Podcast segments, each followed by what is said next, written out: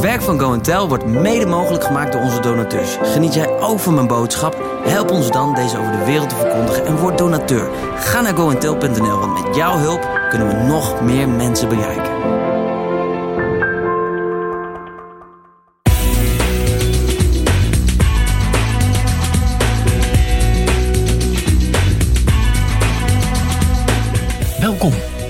Emotionele pijn. Hoe ga je ermee om? Wat is het verschil tussen emotionele pijn en emotioneel lijden? David en Joyce spreken over deze en andere topics met Peter en Ilona Pauwen van Doorbrekers.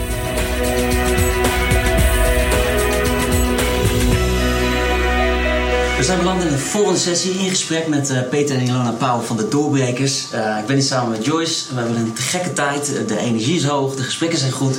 En uh, we nodigen je uit om erbij te zijn. En waar we nu met elkaar over spreken gaan, is iets wat onvermijdelijk allemaal op ons pad komt, is gekomen. de vraag is niet of het je gaat gebeuren, de vraag is wanneer gaat het gebeuren en hoe erg is het, maar hoe ga je er dan mee om? Mm. Emotionele pijn. Um, auw. En dat is vaak meer zeer als dat je je been breekt. Ik weet nog goed dat ik uh, laatst uh, aan het luisteren was naar Joyce Meyer. En zij zei, any other day, zegt hij, als ik kiezen moet, zegt ze, of een gebroken been of een gebroken hart. Ik wil dat gebroken been, zegt ze. Omdat de emotionele pijn en de gevolgen daarvan zijn vaak zoveel groter. Uh, en ik denk dat ze daar heel scherp in is. En ja, weet je, ik denk ook als we eerlijk zijn, dat we allemaal onze portie hebben. Ja. Uh, en of dat nou komt uit het verleden, van wat ons is gebeurd, of dat we opgevoed zijn, of soms zelfs gekwetst zijn geraakt in de kerk. Uh, dat we vertrouwen hadden in mensen, mensen ons toch gekwetst hebben. Ja. Uh, ik merk bij mezelf, ik, ik weet wat het is om gekwetst te zijn. Het moeilijkste vind ik nog om mensen nog een keer te vertrouwen als je vertrouwen beschadigd hebt. Ja. en soms kies je daar dan toch voor, van ja, want dat is toch de koninklijke weg. maar goed, daar kunnen we zo mee, mee, mee, mee worstelen.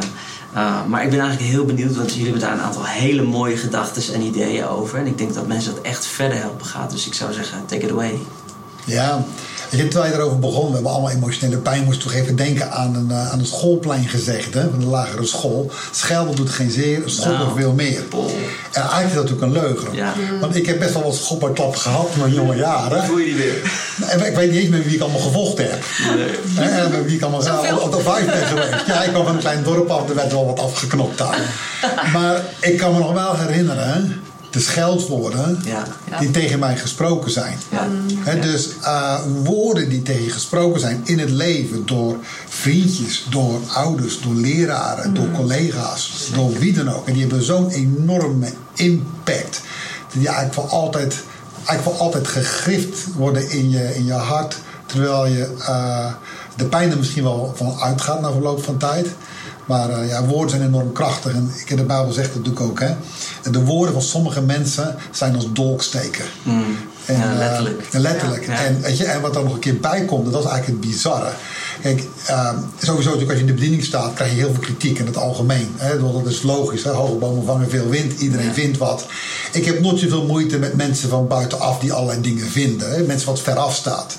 Maar hoe dichter mensen bij je staan, hoe meer pijn het kan doen als iemand kritiek, onterechte kritiek heeft. En um, weet je, ik heb eens een keer gelezen als iemand, dicht, iemand die dichtbij je staat, kun je de meeste, die kan jou de meeste pijn doen. Ja. En uh, de meest erge dood die je kan overkomen is als iemand zeg maar, met, een, met een dolk in je ingewanden steekt. Dan, dan sterf je een hele pijnlijke, langzame dood.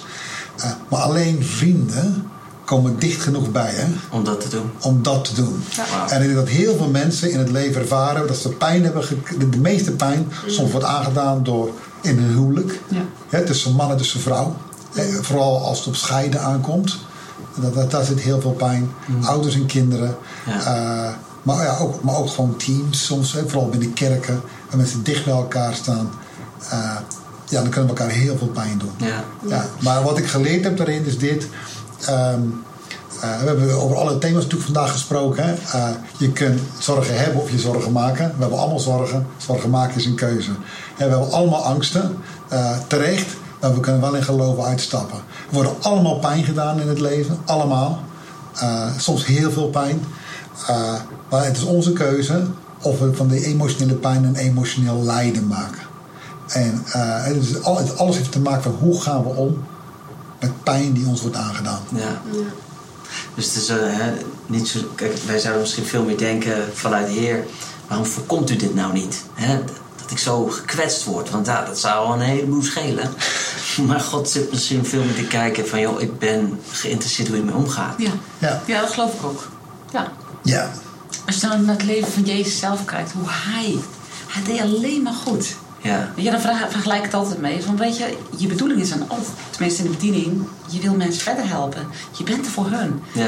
En dan word je soms gekwetst op die, juist op die punten, terwijl je het beste met een ander voor heeft. Ja. Dat is omdat Jezus precies hetzelfde.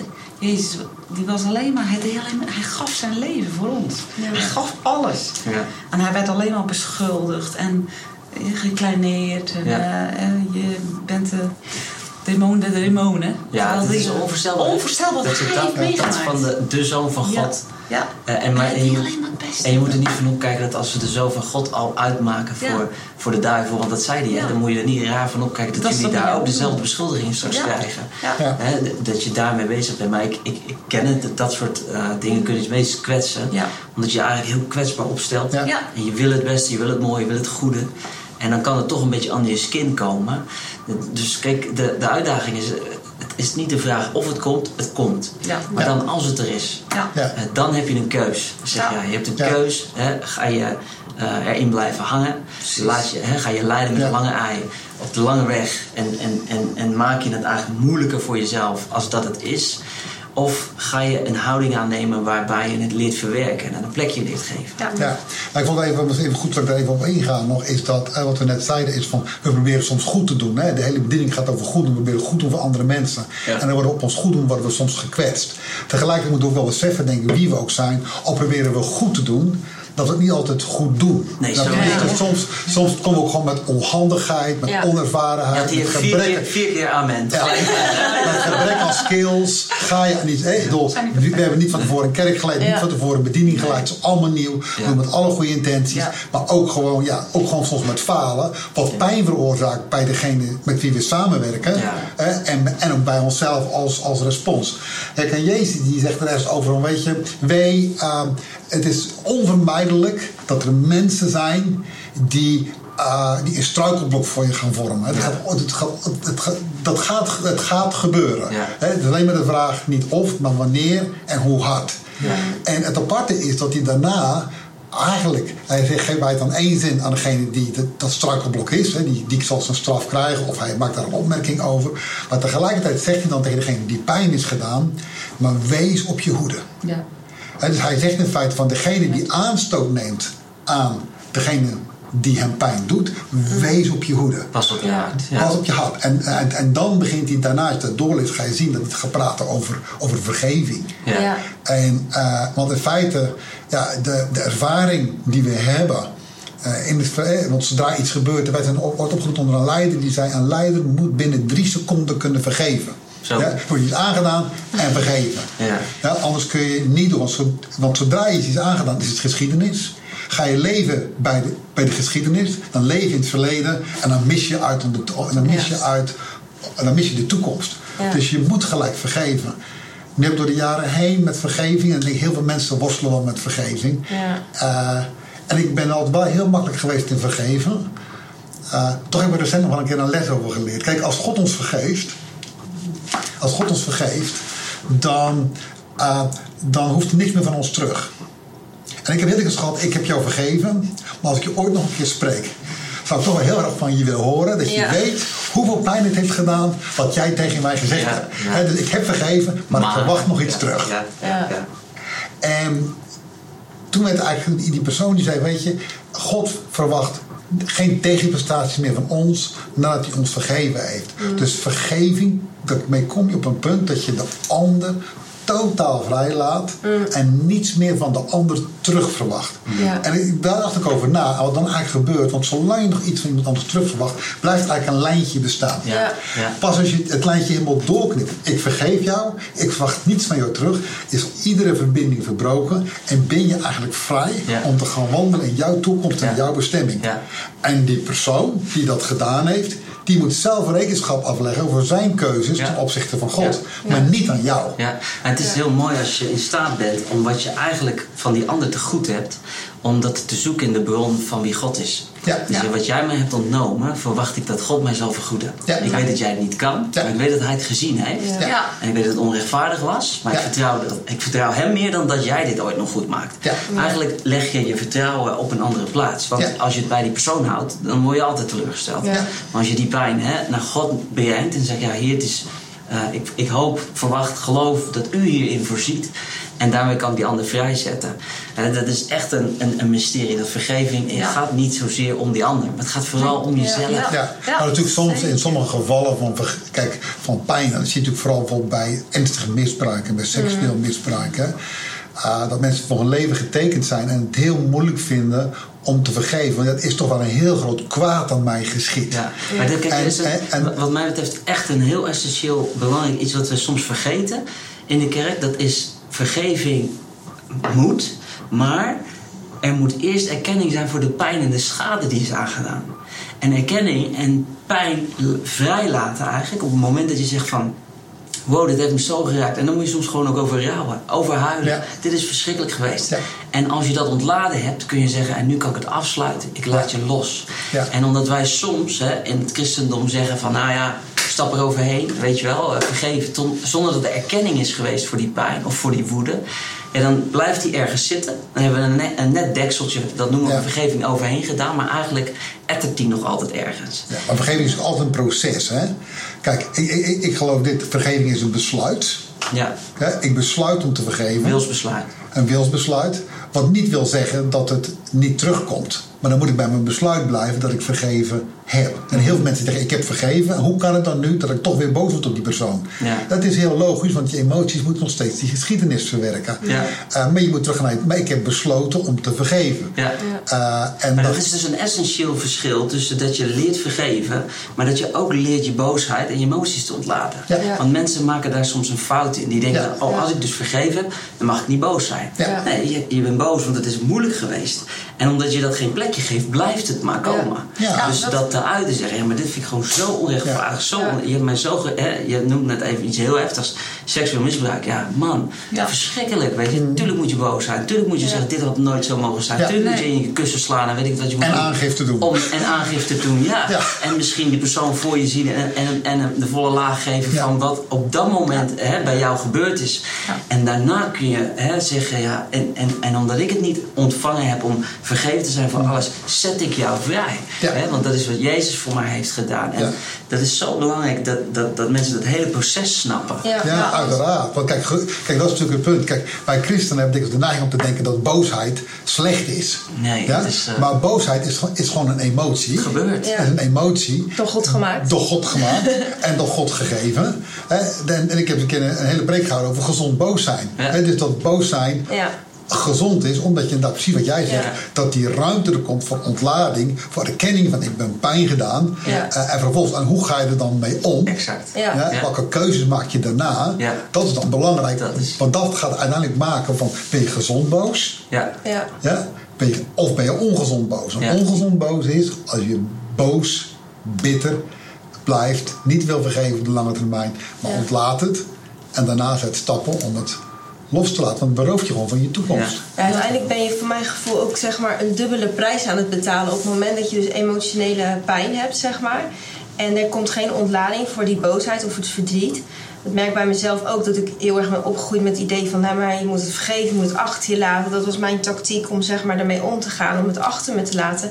Maar hè, we hadden het in het begin even over eh, hè, wat is erger, een been breken. Hè? Dus eh, lichamelijk of emotioneel eh, pijn beleven.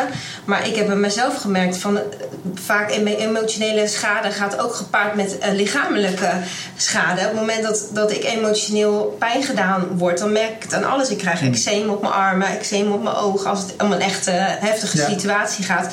Dus het vreet gewoon aan je, zeg maar. Ja. Niet alleen maar in je denken. Mensen worden letterlijk ziek, krijgen maagsferen, Ja. eh, krijgen allerlei ziektes zonder dat ze doorhebben dat het gelinkt is aan emotionele eh, beladenheid erachter. Ja. Dus vaak ben je zonder dat je doorhebt een dubbele prijs aan het betalen voor emotionele pijn. En het is wel heel goed om daar ook je zicht op te houden van hé, hey, ik laat niet alleen maar mijn vreugde mentaal roven, maar alles gaat achteruit. Ik kom niet meer tot bloei, ik kom niet meer tot mijn recht. En ook wel op punten komen van hé. Hey, tot hier en niet verder. Ik moet dingen afhandelen, ik moet mijn boosheid kwijt. Eh, maar ik wilde ook een punt achter zetten, want ik, wil, ik heb wat te geven in het leven, zeg maar. Ik moet denken aan het verhaal van Jozef. Kijk, die was natuurlijk zo, nou, als die pijn is aangedaan, gigantisch door zijn broers. En dan komen zijn broers komen terug. En dan staat er, en, en dan, dan, zet hij zijn eigen apart. En dan huilt hij. Hij huilt. Ja, exact. Nou, denk, en dan, hij huilde zo hard, staat er zelfs, dat de hele paleis mee De hele paleis kon meegenieten. Van, nou, genieten. Van de, maar ik denk dat dat is gewoon het verwerkingsproces voor hem geweest.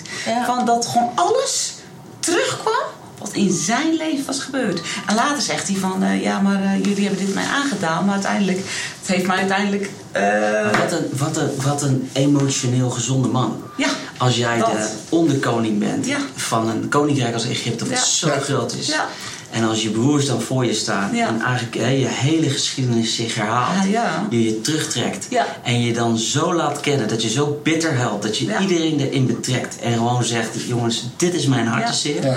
Ja. I just let it out. Ja. Wat super on-Hollands is natuurlijk gewoon om dat te doen. Dus misschien ook wel een stukje Ja. cultuur. Maar ik denk Ja. dat het een stuk genezing is. Exact. Ja, absoluut. Zo gezond om dat ook gewoon Ja. hè, ruimte voor te geven en te creëren. In het proces. Ja. En wat je natuurlijk ook ziet dat Jozef niet veroordeelt. Ja, en dat is natuurlijk ook een van de dingen die de andere Jozef, Jezus, eigenlijk zegt: hè, oordeelt niet omdat je niet geoordeeld wordt. En dikwijls als ons pijn aan wordt gedaan, oordelen we over de motieven waarom die ander ons pijn heeft aangedaan. Ja. En, kijk, en soms als je alleen al gaat kijken van wie heeft mij pijn aangedaan, wat heeft die persoon meegemaakt Ja. dat die zo reageert. Ja. Ja. Wa- waarom is die persoon zo stekelig? Ja. Waarom heeft Ja. die persoon zo'n kort lontje? Wat Ja. is die- dan kun je soms eerder in plaats van iemand veroordelen, medelijden met iemand Ja. hebben Ja. om iemand te willen helpen, Ja. in plaats van iemand te oordelen. En dan, dan iemand dan veroordelen, duwen we hem eigenlijk nog verder weg.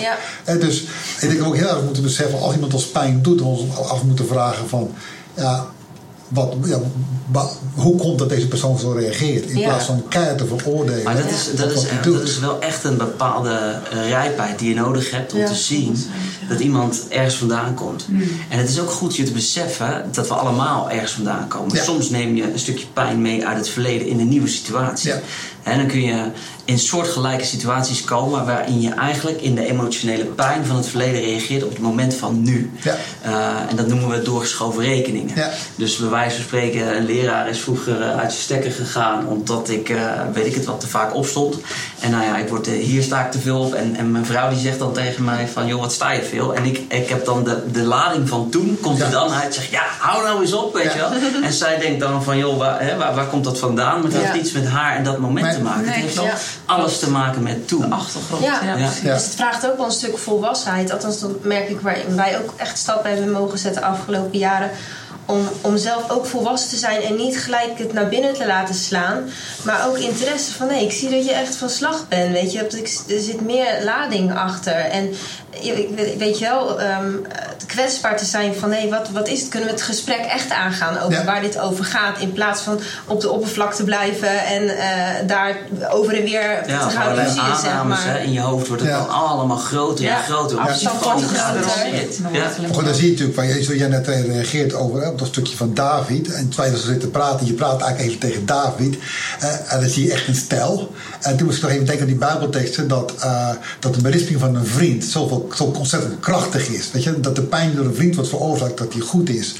En weet je, als man en vrouw getrouwd zijn, zouden we elkaars beste vrienden moeten zijn. Ja. En ik zeg altijd van, je wordt het gemiddelde van de vijf vrienden om je heen. Hè? Dus jij zei net van, ja, je hebt een bepaalde vorm van emotionele volwassenheid nodig. Tegelijkertijd geloof ik, als we bewuste keuzes maken, wie zijn onze vrienden? Wie verzamelen we om ons heen? En je wordt het gemiddelde van je vijf vrienden. Vrienden zouden in staat moeten zijn, al doet het pijn, Ja. Ja, om je de waarheid te zeggen, Ja. zodat je er beter van wordt. En Ja, dat zeker in een man-vrouw relatie, hè, in plaats van te zien dat iemand je aanvalt, te Ja. weten van hé, hey, we zijn vrienden van elkaar, we spreken Ja. elkaar op iets aan, Ja. dan mag even zeer doen. Ja. Maar waarheid er Wij, wij doen vooruit. dat altijd, weet je Ja. dat? Ja. Ja. ik naar hem en hij naar mij. Ja. Ja. Maar het, het brengt je wel, ik moet wel zeggen, als hij dat doet, van oké, klopt het?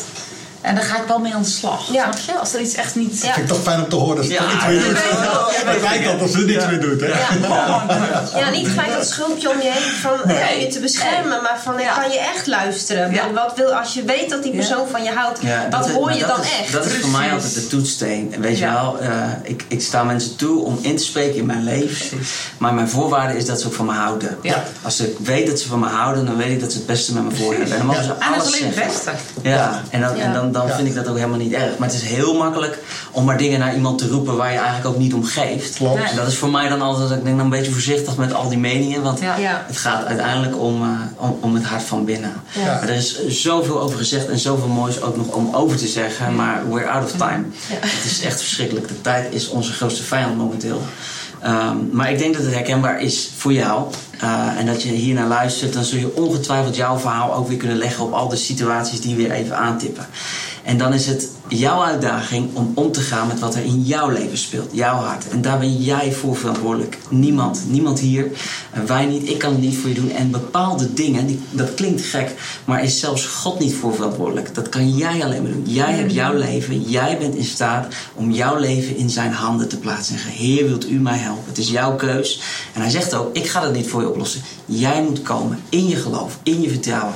Wat je ook is aangedaan. Ik bid dat je de moed vindt om naar het van Jezus te gaan. En dat kruishout te nemen en dat ook te delen in die plekken waar het zo ontzettend veel zeer doet. Ik weet dat het kan. God is een God van het onmogelijke. David en Joyce bespraken samen met Peter en Ilona Pauwen een aantal belangrijke topics over emotionele pijn. Wil je reageren? Dat kan altijd op info.gointel.nl. Check ook onze website en de Simply Jesus app voor nog meer inspiratie en informatie, want de boodschap zegt alles.